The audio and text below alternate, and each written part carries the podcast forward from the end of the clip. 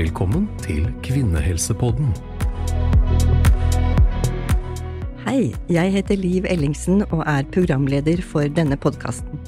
Jeg har jobbet som fødselslege i mange år og brenner for å spre trygg kunnskap.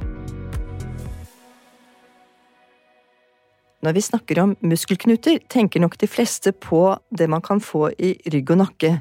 Men visste du at man kan få muskelknuter i livmoren? Livmorknuter er knuter som oppstår i livmorens muskellag. Over halvparten av alle kvinner får livmorknuter, men de fleste merker dem ikke. Ofte blir de oppdaget ved en tilfeldighet på ultralyd, men de kan forårsake problemer og smerter. Og det skal vi snakke om i dag, også hvilke behandlinger som kan være aktuelle. Dagens ekspert er Thea Falkenberg Mikkelsen, lege og stipendiat ved gynekologisk avdeling Ullevål sykehus. Hun forsker og tar doktorgrad på sammenhengen mellom livmorknuter og infertilitet eller barnløshet, og det skal vi få høre mer om senere. Velkommen hit, Thea. Tusen takk. Nå har vi forklart enkelte i innledningen, men vil du fortelle mer? Hva er livmorknuter? Ja, livmorknuter er kanskje ikke så veldig glad i det ordet, jeg, da. Jeg synes at det, Man får liksom feil assosiasjoner. Det er jo kanskje mer en muskelklump, ville jeg kalt det. Ja.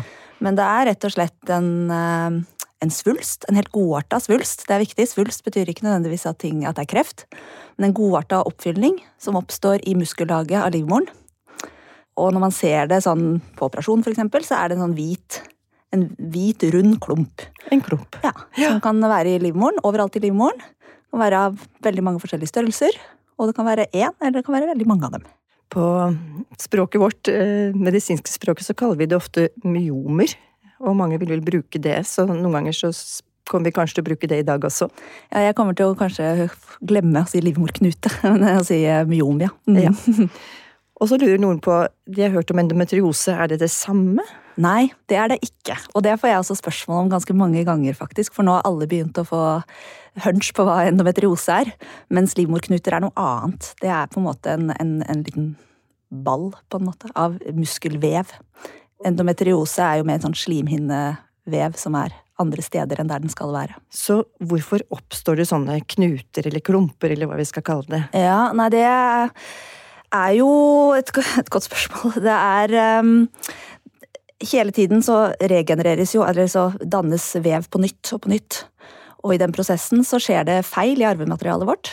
Det Celler deler seg. Når det celler deler seg, ja. Så når muskelcellene deler seg, så kan det skje feil. Oftest så repareres de, mens noen ganger så skjer ikke det av ulike grunner. Og da kan det danne seg en sånn liten svulst, da. Det er farlig å si svulst, kanskje, men en sånn klump. En klump, ja. Mm. Du sa det kunne være mange. Hvor mange kan det være? Det kan være eh, nesten hvor mange som helst. Altså 10-15 kan det godt være. Ja. Men det er kanskje ikke det vanligste. Men vi ser noen ganger eh, livmorer som er, som er fulle av sånne livmorknuter. Men det vanligste er kanskje å ha én, to, tre, fire. Noe sånt. Mm. Og de er i selve livmoren, i eh, veggen på livmoren? De sitter i veggen på livmoren, ja. Og så deler vi de gjerne inn i om de sitter inn mot livmorhulen. Eh, da har de kanskje mest å si for graviditet, eksempel. Eller om de sitter i selve veggen. Eller om de sitter litt sånn på utsiden av livmoren, altså i veggen, men at de buker ut mot bukhulen, da. Ja, og det har mye å si, og det kommer vi kanskje litt tilbake til når vi skal snakke om behandlingen. At Ja, akkurat hvor de sitter har en del symptomer har, øh, har det mye å si hvor de sitter, ja. For vi ser at mange ikke vet at de har det. Kan du forresten si hvor vanlig det er? Ja, altså Man sier at det er Altså internasjonal litteratur da, sier at det er eh, 70-80 som får det i løpet av 70-80% som får det i løpet av en livstid.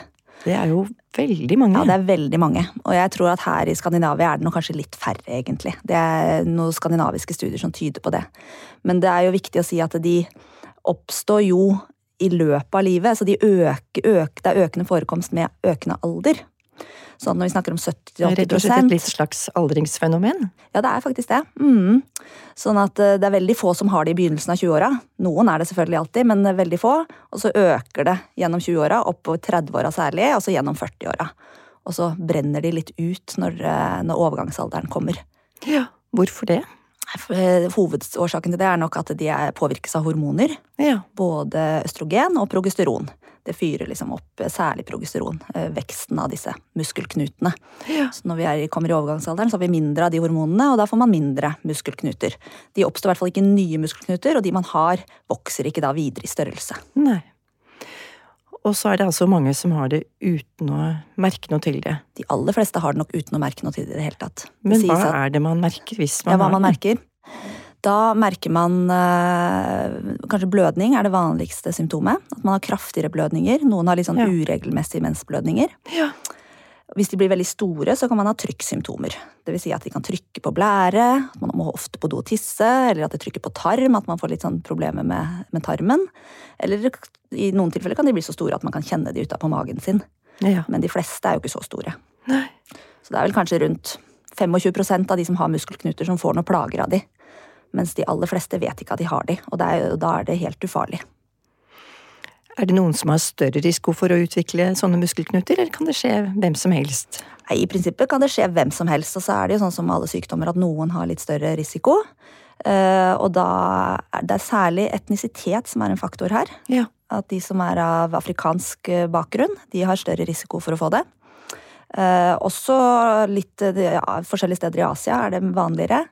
Eh, mens europeiske, de som er av europeisk herkomst, de har det i mindre grad. Så det er kanskje den viktigste risikofaktoren. Og så er det noen litt sånn småting som overvekt eh, er en risikofaktor. Ja. Men mindre. Sånn at det, alle, det kan oppstå hos alle, altså. Er det arvelig? Ikke noe sånn direkte arv, det er det ikke. Men man ser jo at det går igjen i noen familier, så en viss sånn arvelig komponent er det nok. Mm. Og så lurer noen på, er det farlig? Kan det skade livmoren på noen måte? Altså det, det er jo todelt svar på det spørsmålet, egentlig. Eh, Det er ikke farlig i den forstand at det er ikke kreft eller at det kan være noe sånn dødelig sykdom på noe som helst vis. Men det kan jo gi disse plagene, da. Som kan skape problemer i en kvinnes liv. Og så er det, kan det være litt eh, For noen så kan det bli litt vanskelig å bli gravid. For de aller fleste ikke, men for noen. Og så kan det skape litt trøbbel under graviditet og fødsler. Eh, For noen. Ja. Og hvilke problemer er det det? Under graviditet og fødsler, tenker du? Mm. Nei, det er egentlig nesten alt, nesten alt som kan oppstå i graviditet og fødsler, oppstår litt oftere hos de med muskelknuter. Ja. Uh, og da snakker vi Hvis man starter med det å bli gravid, så kan det være litt uh, vanskeligere. Særlig for de som har muskelknuter som ligger inn mot livmorhulen. Så hvis man har det, så anbefaler man gjerne å fjerne dem. Eh, Det kan vi komme tilbake til litt seinere. ja. Men, For det har eh, også litt med forskningen din å gjøre. Ja, det har det. Mm. Uh, og så har man litt uh, Har man nok en dobla risiko. Det aller, det aller meste er dobling av risiko, og det er det også ved aborter. Så man har litt, uh, litt Altså økt risiko for spontanabort. Ja. Ja. Mm. ja. Og så når man er videre blitt eh, ordentlig gravid, så har man, eh, hvis livmorknutene er store, så har man litt eh, større risiko for at eh, barnet legger seg eh, ikke med hodet ned, da. For eksempel på tvers eller med setet ned. Eh, man har litt Og da kan det bli problemer med fødsel? da kan det bli litt problemer med fødsel. Og hvis de er store nok, disse livmorknutene, og de ligger eh, dårlig til, så kan det eh, gjøre at man ikke kan føde, at man må ta keisersnitt. Men det er de aller færreste, altså. Eh, og det oppdager man jo underveis ved ultralyder, ikke sant? Så det Det skal man vil jo bli ikke være påvist eh, Ja. Mm. i svangerskapskontrollen. Ja, Mm. det vil det. Eh, og da følges man jo litt ekstra for å se om de vokser, og hvordan de ligger. Eh, så kan de føre til at, man, at fødselen starter litt eh, tidligere enn ellers ville gjort. Og når den først har starta, så kan man få litt dårligere rier enn ellers. For veggen er annerledes, tenker man seg da kanskje. Hva sa du?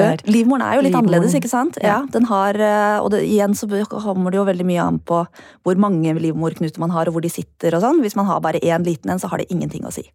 Men hvis man har mange, så, så vil kanskje mm, muskelen som skal trekke seg sammen Livmoren er jo en stor muskel som trekker seg sammen når man får rier. Og den eh, vil jo fungere litt dårligere da, ikke sant? Vil ikke bli så effektiv. Vil ikke bli så effektiv. Og det samme når man først har født, så vil den kanskje ikke trekke seg så godt sammen som den skal. For det ønsker vi jo. Når du er ferdig å føde, så vil vi at livmoren skal trekke seg godt sammen, sånn at man ikke blør så mye. Og den gjør det nok i litt dårligere grad hos de med muskelknuter.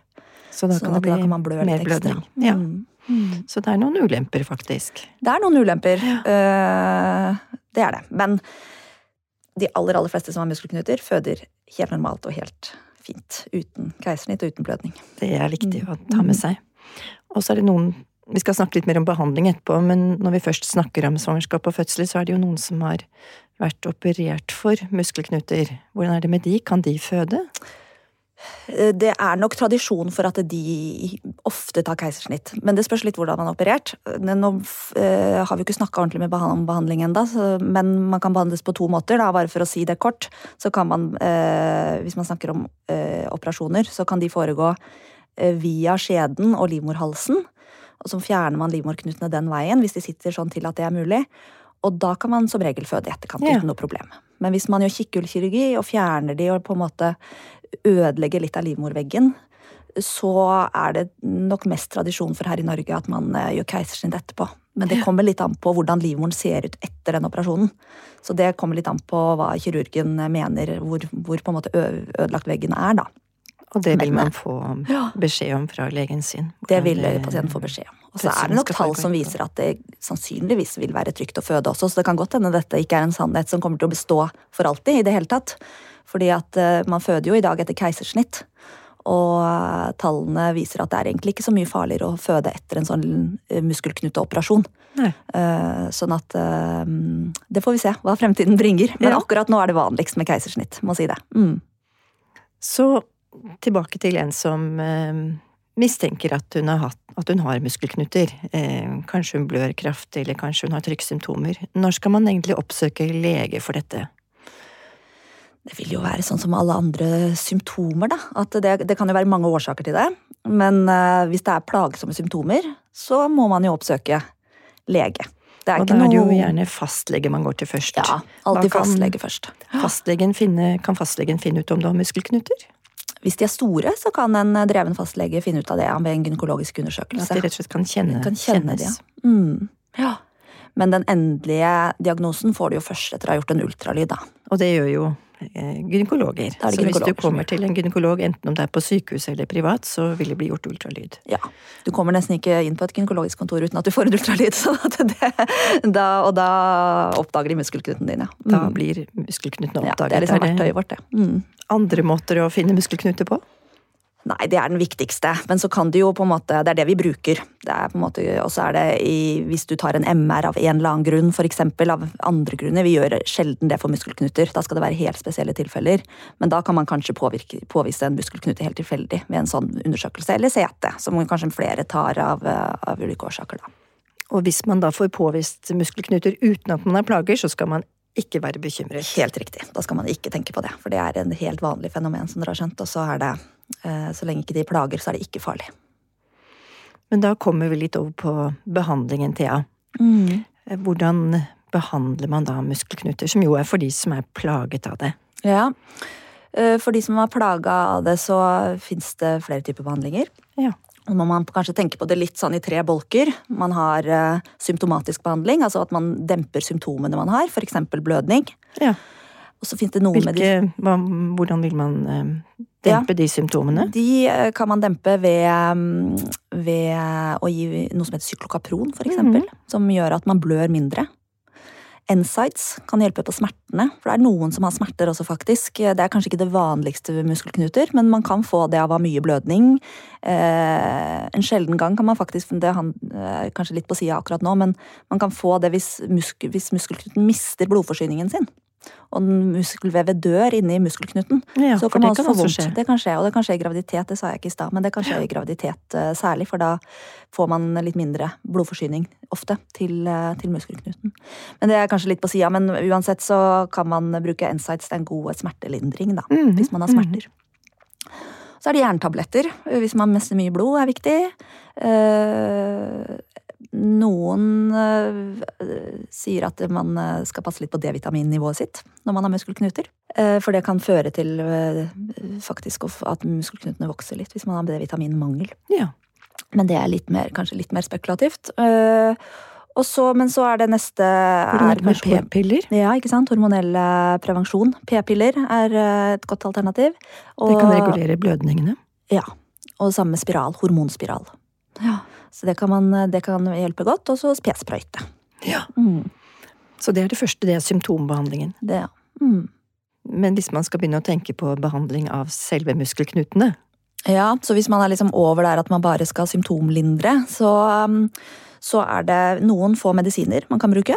Og det er um, en som, heter, som er ganske ny, som heter Rieko. Ja. Uh, som uh, hindrer um, kanskje ikke så veldig mye muskelknuten å vokse, men det gjør at man blør veldig mye mindre. Ja. Og det holder på en måte muskel... De, de, det vokser Altså, de skrumper ikke, men de vokser heller ikke, så man holder det på en måte litt i sjakk med den medisinen. Så Kan det man bruke egentlig det selv om man tenker å bli gravid? Eh, Nei, ikke hvis man tenker å bli gravid. Da skal man ikke bruke det. Det blir jo en sånn slags prevensjon, egentlig. For den Ja. hindrer jo eh, hormonutskillelse fra eggstokkene eh, via, via hjernen vår. Så gjør den det. Og da kan man ikke bli gravid. Så det er, et, det er en slags prevensjon i det også. Eh, men den er veldig fin for de som eh, ønsker å bli gravid om noen år, eksempel. At Ja. man kan bruke det liksom fram mot en graviditet til man eh, ikke har eh, ja, hvis man, eh, hvis man trenger å holde det i sjakk en liten stund, eller hvis man er, nærmer seg overgangsalder. At man tenker at operasjon er litt sånn overilt, snart, eh, snart er vi liksom ferdig med disse dumme muskelknutene uansett. Så kan man kanskje bruke den Riecoen da, i en sånn overgangsperiode. Ja. Er det dyr behandling? Ja, det er det nok kanskje litt dyrt, vet du, jeg tør faktisk ikke helt si akkurat hvor mye det koster. Mm. Mm. Men jeg tror faktisk nå de har fått det på blå resept. Ja. ja. Men nå må jeg ta litt, um, litt forbehold, men jeg tror det. Mm. Så det var altså Det er den Riecoen, og så er det jo en som heter Esmia, som kanskje noen som har muskelknuter har hørt om. ja. Den har vært en veldig god behandling, litt sånn annen type øh, mekanisme. Ja. Den hindrer, den både skrumper muskelknutene og gjør at blødningen øh, minsker. Blitt litt omdiskutert i det siste, så man har fått litt, sånn, man har fått litt større restriksjoner mot å bruke den, fordi det har vist at noen veldig få pasienter i verden har fått leversvikt av den. Så man skal, eh, det er noen sånne regler før man begynner med den, og man skal passe på litt underveis. Men det kan være en god behandling hvis man av en eller annen grunn ikke kan opereres eller ikke vil opereres, eller har prøvd operasjon uten at det virker. Og det blir passet på de legene man går til kontroll hos. Ja, det gjør det. Mm. Så det var medisinene. Så sa du at det var tredelt. Ja. Ja, så er det tredelt, og det siste er jo da operasjon, da, ikke sant? Eller, eller andre intervensjoner, som vi kaller det, eksempel embolisering, ja. som man kan gjøre. Man, Og hvordan foregår det? Embolisering, da, eh, da tetter man på en måte blodforsyningen. Eh, Så det er mer skånsom behandling, kanskje, enn en kirurgi. Tette blodforsyningen til livmoren, og dermed også til, eh, til muskelknuten, og så dør muskelknutevevet. Og det gjøres på sykehus Det gjøres på sykehus. Mm. med narkose og for så vidt Du trenger vel ikke narkose, men uh, du, du, Så du kan reise uh, nesten samme dag eller dagen etter, men det gjør veldig vondt det første døgnet, det skal man vite. Ja. Det er ikke farlig, men det gjør vondt det første døgnet. Og det er eh, Man kan bruke det selv om man ønsker å bli gravid, men det vanligste er kanskje å gjøre det til de som ikke ønsker å bli gravid. Og så er det da Ja, så er det operasjonene. operasjoner. Mm, og da nevnte jeg det så vidt i stad. De kan enten gjøres via eh, skjede og livmorhals, at man liksom går inn som en vanlig gynekologisk undersøkelse. Opererer den veien og på en måte skreller ut muskelknuten, på en måte. Eh, men da må man ha til, litt avhengig av hvor de sitter. ikke sant? Da må de sitte inn mot livmorhulen, Ja. sånn at man har tilgang til dem. Og da er det en veldig eh, fin metode. Mhm. Eh, og da må de være en viss størrelse, altså de kan ikke være for store, for da går ikke det an å gjøre det på den måten. Så, men hvis de er sånn under 4-5 cm, så kan man gjøre det på den måten. Ja. Eh, eller så må man gjøre kikkhullskirurgi, da. ja. eh, hvor man fjerner de. Og det er enklest for de som sitter litt lenger utenpå? De som sitter i veggen eller utenpå. Ja. Hvis de sitter veldig utenpå, ikke gir veldig mye symptomer, så trenger man ikke gjøre så mye med de, egentlig. Nei. Men hvis de sitter i veggen, så er det den måten man gjør det på, ja. Mm. Og de kan jo bli ganske store, så det er ikke Ja. alltid helt lett å få de ut, kanskje.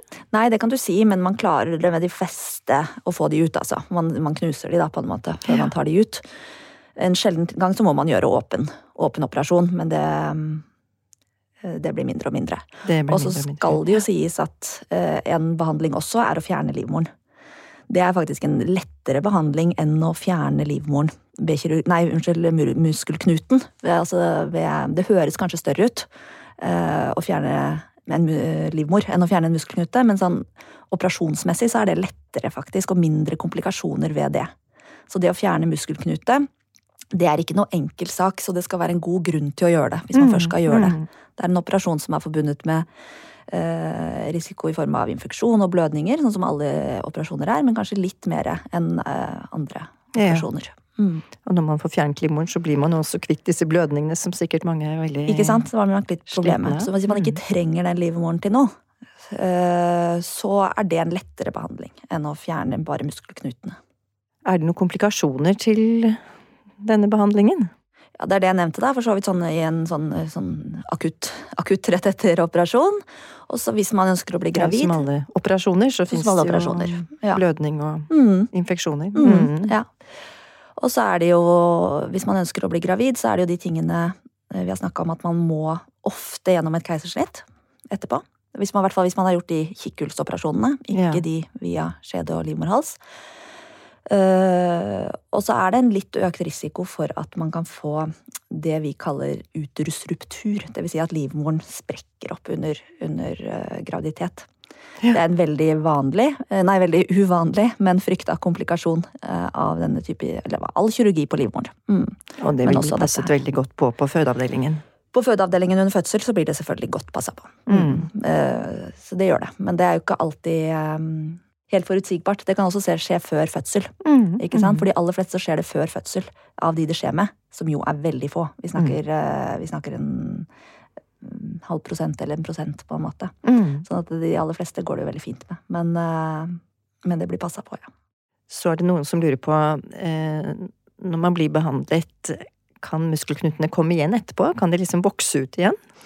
Ja, eh, det kan de, og det er egentlig Om det er den samme muskelknuten, det kan det sikkert også være, men så kan man få nye. For hvis man har, først har fått muskelknute, så har man nok en tendens til å kanskje kunne få det igjen. Så vi er veldig opptatt av det at hvis man skal opereres, eksempel, så må man gjøre det tett opp mot eh, det tidspunktet man ønsker å bli gravid. Ja. For vi ønsker bare å operere egentlig én gang. Vi vil ikke inn på en livmor to ganger. Så det er derfor det kanskje kan være lurt å tenke på andre metoder fram, fram mot det, da, som eksempel medisiner. Og så er det dette med at de eh, forsvinner litt i overgangsalderen, det sa du jo litt om. Mm. Blir de helt borte da? Nei, det gjør de ikke. De ofte så blir de ikke borte. Men, eh, men de skrumper kanskje litt. eh, Og så skal de i hvert fall ikke vokse mer. Hva hvis man bruker hormoner i overgangsalderen? Du sa det var avhengig av hormoner. Så vil de vel kanskje vokse litt, vil jeg tro. Mm. Mm, Hvis man mm. bruker, For det er jo østrogen og, og progesteron som får de til å vokse, så da eh, vil de kunne vokse. Men samtidig så er de nivåene man bruker, ofte ikke så høye. Nei. Sånn at eh, regelen er nok at de skal holde seg ganske stabile. Da tror jeg vi går over på forskningen din, og du har forsket på muskelknuter og infertilitet. Kan du fortelle litt mer om det? Ja, det har jeg. Vi har, eh, vi, jeg sa jo litt om det at man kan, noen som har muskelknuter, kan ha vansker med å få barn. De fleste har det ikke, men mange kan ha det. Eller noen kan ha det. Og da vet man ikke helt hvorfor, eh, faktisk. Det er flere Altså Noen ganger er det jo så enkelt som at muskelknuten ligger i veien for at eh, sædceller og eggceller kan møte hverandre. Ja. Eh, eller så er det flere mulige mekanismer man kan se for seg, men den vi har forska på, det er at vi tror at muskelknutene endrer hvordan livmorslimhinnen oppfører seg. Ja. At den blir litt dårligere til å ta til seg et, et lite embryo, da, som er liksom det første altså, Et lite, lite foster. Befruktet egg. Ja. Mm, et befrukta egg, ja. At den har vanskeligheter, eh, eller større vanskeligheter med å feste seg i livmorslimhinnen hvis man har eh, noen type muskelknuter. Ja. Og det er egentlig vist i flere studier at det, at det kan være sånn, særlig med de muskelknutene som ligger inn mot livmorhulen. Mm. Men det viser seg mer og mer at også de muskelknutene som ligger i muskelveggen, altså livmorveggen, kan påvirke evnen til å bli gravid. ja. Det som veldig få har sett på, er hvordan, hva som skjer etter man har fjerna muskelknutene. Om det faktisk livmorslimhinnen da eh, blir bedre på å ta til seg en sånn befrukta egg. Den behandlingen som du har fortalt om før, ja. Mm. Og det, mm, og det vi har sett på da, er at vi har tatt eh, prøver fra livmorslimhinnen av kvinner som eh, har muskelknuter, Ja. og som skal fjerne disse muskelknutene. Og så har vi tatt en ny prøve av slimhinnen inn i livmoren etter de har operert, og så har vi sammenligna Ja. og sett om den bedrer seg i forhold til det å ta til seg et sånt embryo. Og det har vi sett at den faktisk eh, gjør, til en viss grad. Så det er jo et litt spennende funn. Så det, det har nok eh, Jeg tror muskelknutene har en påvirkning på livmorslimhinnen. Men tusenkronersspørsmålet er jo om det likevel er lurt å fjerne muskelknutene. For noen er det det. Men så er det risiko ved kirurgi som veier på den andre skåla. Mm. Mm. Sånn at uh, man skal vite hva man gjør. Det er, ikke, det er ikke en easy fix. Man skal snakke godt med gynekologen sin og vise det. vite hva man gjør før man fjerner en muskelknute. Ja. For det kan også, ikke sant, det vi har snakka om med svakhet i, i muskelveggen i livmoren, og så kan man, hvis man er riktig uheldig, få eh, sammenvoksning inn i livmoren etterpå. Sånn at eh, det er alltid sånne komplikasjoner ved kirurgi man må tenke gjennom. Eh, men, eh, men for noen så er det nok gunstig for livmorslimhinnen å fjerne muskelknuten sin. Ja, dette er jo et viktig tema, og eh, mange er barnløse, så mm, det er viktig at det blir forsket på det. Så det er viktig at man vet om det. Så da til slutt, Thea, tusen takk for at du kom hit og oppdaterte oss på et viktig kvinnehelsetema som kanskje ikke mange vet så mye om. Hvis du som lytter lurer på noe, ta kontakt med din fastlege eller gynekolog, og så kan du lese mer om livmorknuter på Helse Norge. Gi oss ris eller ros på vår Instagram-konto Kvinnehelsepodden. Så tusen takk for at du kunne komme i dag, Thea. Tusen takk for at du ble invitert. Og takk for i dag.